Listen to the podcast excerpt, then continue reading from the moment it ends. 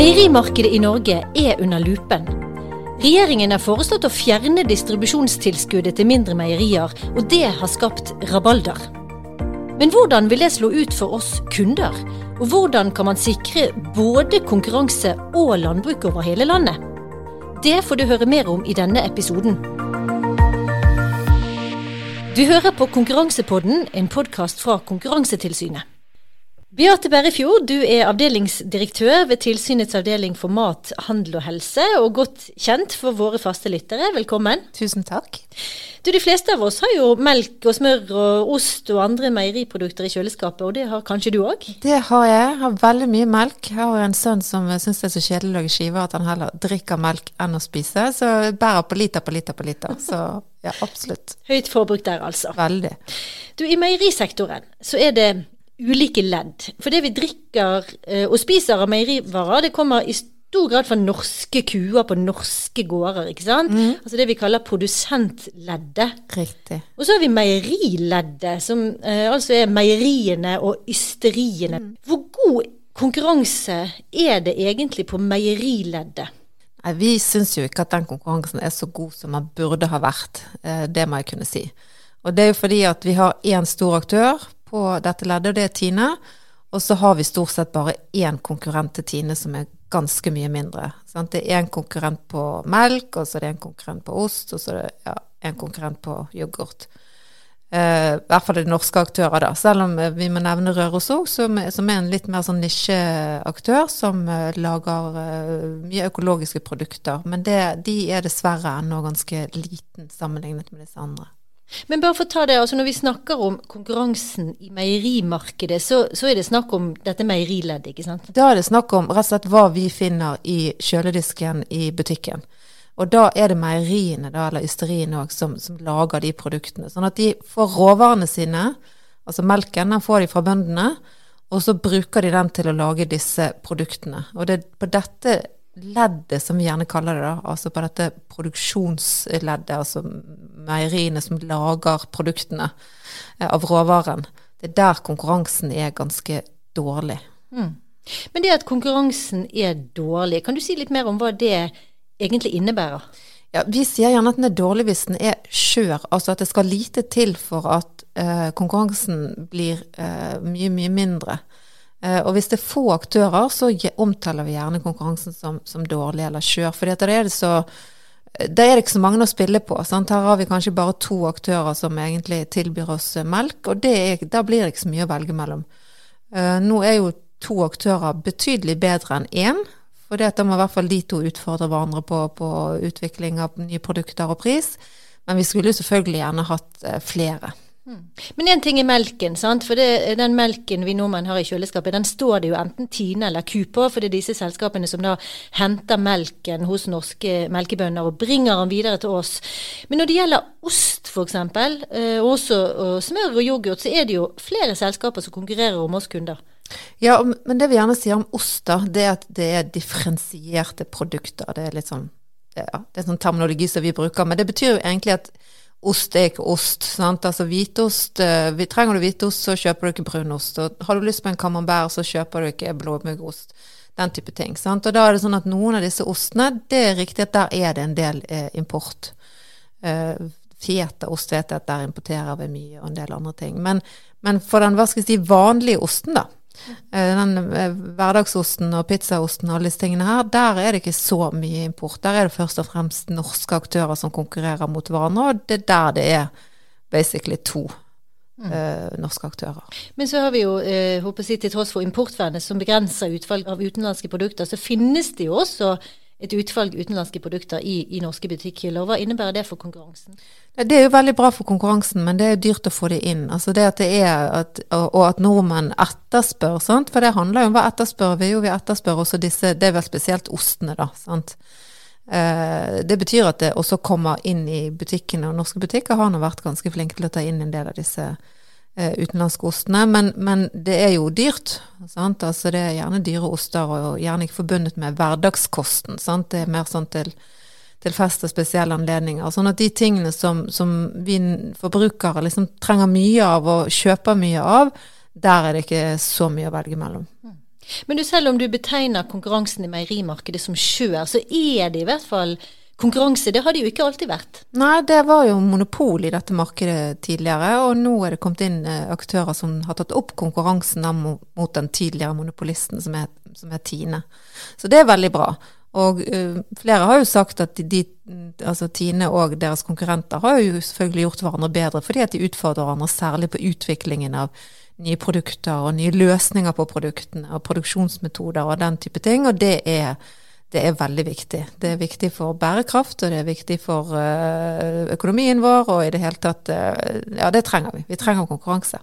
Men du, nå skal vi skru tiden litt tilbake, nærmere bestemt 1920-tallet.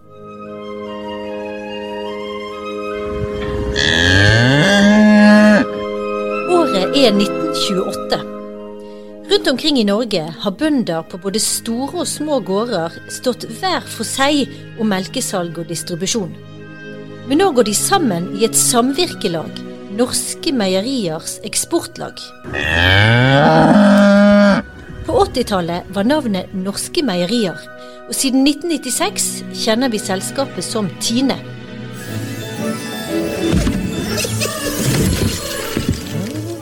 Meieriselskapet, som i dag er eid av 9000 bønder, har hatt en sentral rolle i norsk landbrukspolitikk i generasjoner. Tine. For frem til 1996 hadde vi melkemonopol i Norge.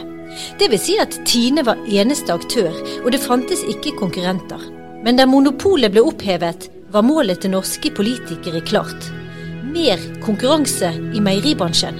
Og etter hvert fikk Tine utfordrere. Å, det var helt sånn sykt digg! Digg! Ku fersk sjokolademelk. Norges beste fordi den er fersk. I 2000 ble Kumeieriene stiftet, med meierier i Gausdal og på Jæren. Vet du hva jeg er mest glad i? Synnøve. Synnøve Finden kom til som utfordrer på produksjon og salg av ost og smør. Bak hver pakke Rørosmør Og i tillegg har vi Rørosmeieriet, som tilbyr økologiske meieriprodukter. Og for å kunne konkurrere mot Tine, har disse mindre meieriene fått støtte gjennom det som kalles prisutjevningsordningen for melk. Men det er på ingen måte bare fryd og gammen i norsk meierisektor. Hva fører konkurranse til ifølge Tine? Konkurranse er bra. Vi vil ha konkurranse men vi vil ha konkurranse på like vilkår. Hvorfor rister du på hodet nå? Fordi at jeg, jeg, kan ikke konkurrere med Tine. Ja, konkurranse er kjempeviktig. Det bidrar til vekst og innovasjon. Nå tar regjeringen til orde for endringer i noen av støtteordningene. Hva vil det innebære for konkurransen og oss forbrukere? Ja, Beate, Regjeringen foreslo altså i mars i år å gjøre endringer i de konkurransefremmende tiltakene i meieribransjen. Og dette er nå på høring. Blant annet så foreslår regjeringen å fjerne dette distribusjonstilskuddet til mindre meierier. Hva er dette tilskuddet, og hvorfor har Tines konkurrenter fått dette? Eh, Tines konkurrenter fikk dette som en led, altså si, som en del av en pakke i 2007. Det ble kalt for melkeforliket. Og da fikk de eh, noe som het konkurransefremmende tilskudd, tre ulike tilskudd, for å kunne De skulle kompensere, da, som man sier, for, for um, strukturfordeler som Tine har, fordi at de er en tidligere monopolist. Det vil si at de har eh, et nettverk over hele landet, noe utfordrende ikke ja, har mulighet til? Riktig. Sant? De har bygget opp meierier over hele landet, både knyttet til de store byene, men også i distriktene. Eh, så de har, de har, et nettverk og en logistikk der som de andre ikke hadde tilgang til på samme måten. Og det er klart at det er en konkurransefordel, og spesielt i et land som Norge hvor vi bor vidt og spredt eh, rundt. Uh, og dette distribusjonstillegget da, det er egentlig kort fortalt et tilskudd for å få melken fra meieriet og ut til forbruker.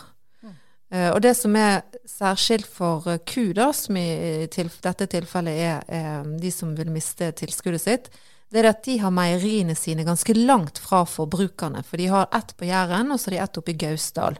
Så for å få melken inn til, eh, ut til oss forbrukere, eh, så må den melken reise ganske langt. Og det er dyrt. Det er dyrt å frakte melken. Sant? Altså det En liter melk eh, koster ikke Hvis du sammenligner det med, med vekten, så, så, så, forstår man at det er dyrt å transportere. Men så er det ikke sånn at Tine ikke får noen ting, og det er viktig å huske på. For Tine har gjerne lang vei fra bonden og inn til sitt meieri. Eh, fordi at de henter melk eh, hos langt flere bønder enn det ku gjør. Og da får de noe som heter innfraktstilskudd, som også ligger inne i denne prisutjevningsordningen da, som man gjerne snakker om. De får altså tilskudd for å hente melk over absolutt hele landet, store og små steder. Ja, det får de. Og det får for så vidt ku òg, men det er bare det at ku de har sine bønder veldig nært på sine eh, meierier. Mye nærmere enn det Tine har, da, hvis man skal se alt under ett. Og det betyr at deres uh, transportutgifter er vel kanskje Nå skal ikke jeg uttale meg om tall, men, men de, de, må betale mer da for å få melken fra meieriene og så ut til forbrukerne enn det gjerne Tine må. Fordi de har bl.a. meierier veldig tett på de store byene. Mm. Landbruksdirektoratet har jo laget en rapport om de konkurransefremmende tiltakene i meierisektoren. Og vi i Konkurransetilsynet har også bidratt til den rapporten. Og så er det flere nå som viser til at rapporten slår fast at det ikke lenger er grunnlag for å videreføre distribusjonstilskuddet da, til Tines konkurrenter. Er det sånn du også leser den rapporten? Nei, Det jeg opplever at Landbruksdirektoratet peker på i sin rapport, det er at dette regelverket er liksom ikke nødvendigvis beint fram å forholde seg til. Eh, og at det er en ulempe både for de som skal forvalte det, som jo er landbruksmyndighetene, og for de som skal eh, nyte godt av det, som jo i dette tilfellet særlig er ku. Eh, og det er en ulempe for alle parter, for det betyr at landbruksmyndighetene kan synes det er vanskelig å vite helt hva de skal gjøre, hvordan de skal, skal si, bruke dette regelverket, hvordan de skal vurdere om, om ku oppfyller vilkårene. Og for KU så vil det da skape mye uforutsigbarhet i forhold til investeringer og den type ting, hvis de er usikre på om de får distribusjonstillegg eller ikke ved neste korsvei. Mm. Så vi er enig i at en forenkling eh, av det regelverket, sånn at det blir lettere å håndheve og lettere å forholde seg til, vite hva man har og hva man vil kunne få av støtte eller eventuelt ikke, det kan være en fordel. Men å fjerne det, altså ta det bort helt, det er sånn, eh, det er ikke sånn jeg leser at Landbruksdirektoratet først og fremst eh, ser på dette tillegget. Mm. Men hva kan bli konsekvensen, sånn du ser det, da, dersom dette distribusjonstilskuddet forsvinner, og at ku, f.eks. ku og Synnøve Finden og Røros ikke lenger får dette tilskuddet? Nei, så det er at konkurransen kan bli vesentlig dårligere. Altså at det blir mye dyrere for ku å få melken ut, ergo at prisene vil gå opp at det vil være dyrere for de å, å innovere, fordi at de får uh, mindre inntjening å innovere for. sånn at enten at de da taper markedsandeler, eller at de må knytte seg typisk til en dagligvarekjede. Altså lage egne merkevarer for dagligvarekjeden. Mm. Uh, og det, alt dette vil være veldig uheldig for oss, for det vil forringe utvalget, og kanskje også presse prisene oppover. Mm. Og så er det også noe med å fjerne ett sånn konkurransefremmende tilskudd i en sånn pakke av tilskudd som skal hjelpe på en strukturulempe i forhold til tidligere monopolist, som jeg tenker at ja, kan være veldig uheldig for konkurransen. Og for oss forbrukere, men også for bøndene. Det, det, det må jeg gjerne, altså det må jeg få lov å understreke. Mm. Ja, Hvordan da? Fordi at for at vi skal kjøpe produkter, så må vi på en eller annen måte bli fristet av dem. Eh, og skal vi bli fristet av produkter når det etter hvert er ganske mye å velge mellom, så må det være innovasjon, det må komme nye ting, altså det må være litt utvalg, alle disse tingene her.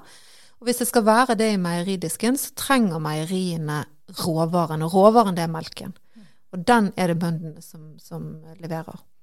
Men hvis utvalget går ned, og vi begynner å vende oss mot, eh, mot andre typer produkter, da, så trenger vi ikke den råvaren lenger. Og da vil også behov for bønder bli mindre. Så, så jeg har litt vanskelig for å forstå uh, at man ikke er mer opptatt og ønsker mer uh, Eller uh, jeg savner i hvert fall at man forstår den biten av dynamikken da, rundt konkurranse.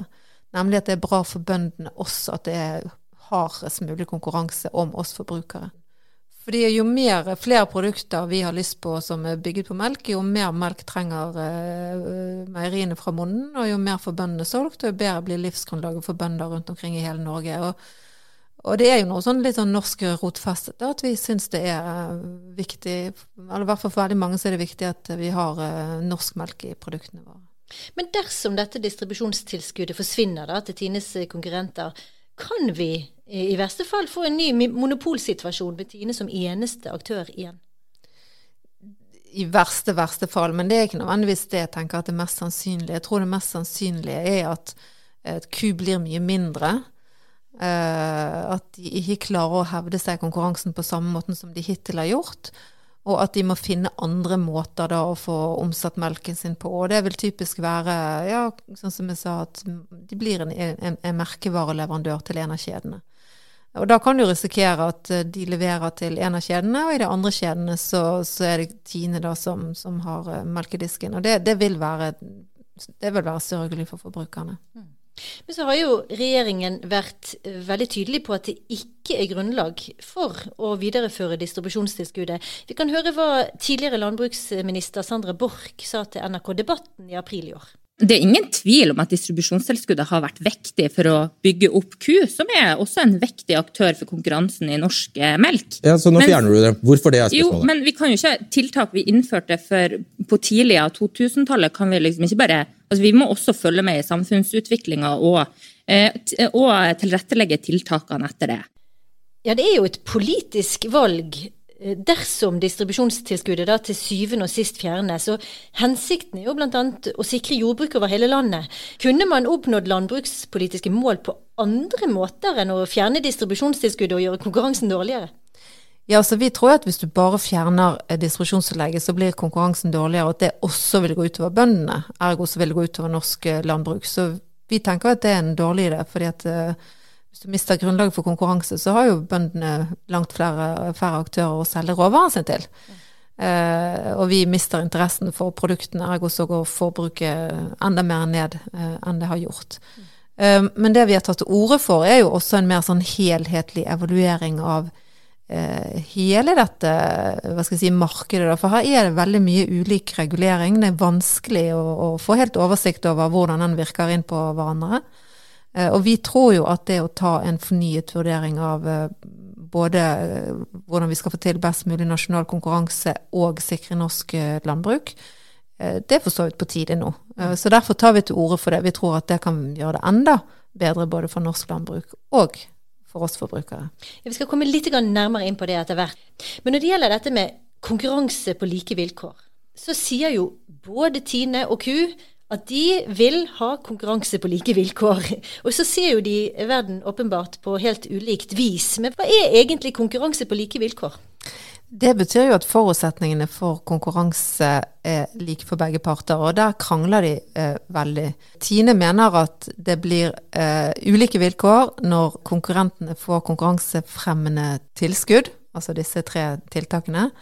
Mens, eh, mens, Tines konkurrenter mener at hvis man tar bort disse tilskuddene, så blir det i hvert fall konkurranse på ulike vilkår, fordi at Tine har allerede så mange fordeler som tidligere monopolist. Så her er de jo uh, rykende uenige. Uh, og det er jo også noe av grunnen til at vi tenker at kanskje er det på tide å, å se på hele dette regelverket, altså hvordan alt dette spiller sammen på nytt, for å være sikker på at vi Uh, ja, at de kan bli mest mulig eh, enige da, om, det, om at konkurransen skjer på like vilkår, sånn at vi slipper den uh, krangelen, og så kan de heller konsentrere seg om å konkurrere hardt mot hverandre. Mm. Men du, det er jo også andre konkurransefremmende tiltak i meieribransjen. Det er jo ikke bare dette her distribusjonstilskuddet. Mm. Det er et ganske komplisert system. og Vi har differensierte avgifter og tilskudd, og spesiell kapitalgodtgjørelse for meierier med egne leverandører. Og disse er jo ikke foreslått fjernet. Men hva innebærer disse tiltakene for konkurransen? Nei, altså I Hurdalsplattformen så står det at man vil fjerne de konkurransefremmende tiltakene i sin helhet. Eh, og så har det foreløpig bare vært dette distribusjonstillegget som skal bort. da, men men da er det dette melkeforliket fra 2007 som eh, ble inngått for at konkurrentene til Tine skulle hva skal man si da, klare å konkurrere mot Tine. Altså at de har eh, Det å konkurrere mot en tidligere monopolist kan være vanskelig. Sånn at hvis man tar bort de tilskuddene sånn uten å egentlig foreta en uh, mer overordnet vurdering, det, det tror vi er, er veldig uheldig. For det, det er jo et faktum at konkurransesituasjonen er ikke så veldig god i dette markedet. Sånn at når du bare har én egentlig utfordrer til Tine i hver kategori, som vi kaller det, én på melk og én på ost og én på yoghurt, så um, ja, ja, så skal man være litt forsiktig med å, å, å røske vekk de konkurransefremmende tiltakene uten at, uh, uten at man har foretatt en veldig grundig evaluering av det.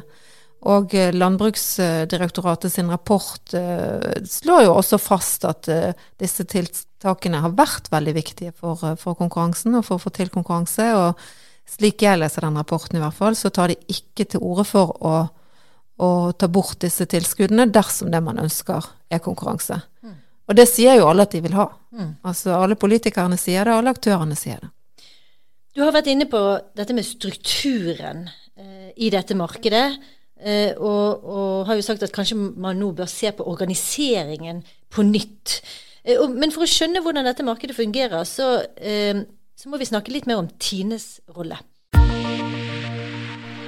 Frem til 1996 så var det, som vi har hørt, melkemonopol i Norge. Og i dag så har eh, Tine en rolle som såkalt markedsregulator. Og Beate, hva innebærer egentlig det? Mm. Ja, det er, det, jeg sletter å sånn kort fortalt forklare det, men det betyr jo litt sånn at de har kontroll på, på litt tilbud og etterspørsel, og skal styre dette markedet litt, da, sikre et balansert marked, sier man gjerne. Uh, men i dette meierimarkedet så har man jo også en kvoteordning som, som fungerer ganske godt, da, sånn at uh, uh, Og det betyr at man får utdelt kvoter i ulike steder av landet, og på den måten kan kan styre litt hvor, hvor, hvor melkeproduksjonen skjer. Mm. Så, så, ja. så, det er litt sånn ulikt hva som ligger i, i denne markedsregulatorrollen for de ulike markedsregulatorene, da. Mm. Men Tine får rett og slett betalt av staten for å ha denne rollen, da? Ja, altså det er i hvert fall en statlig plikt. Jeg vet ikke akkurat hvor mye de får betalt for det, men, men de, de, ja, det, det, er en del av deres, eh, deres oppgaver. Hvor stor er Tine i dag sammenlignet med de andre aktørene?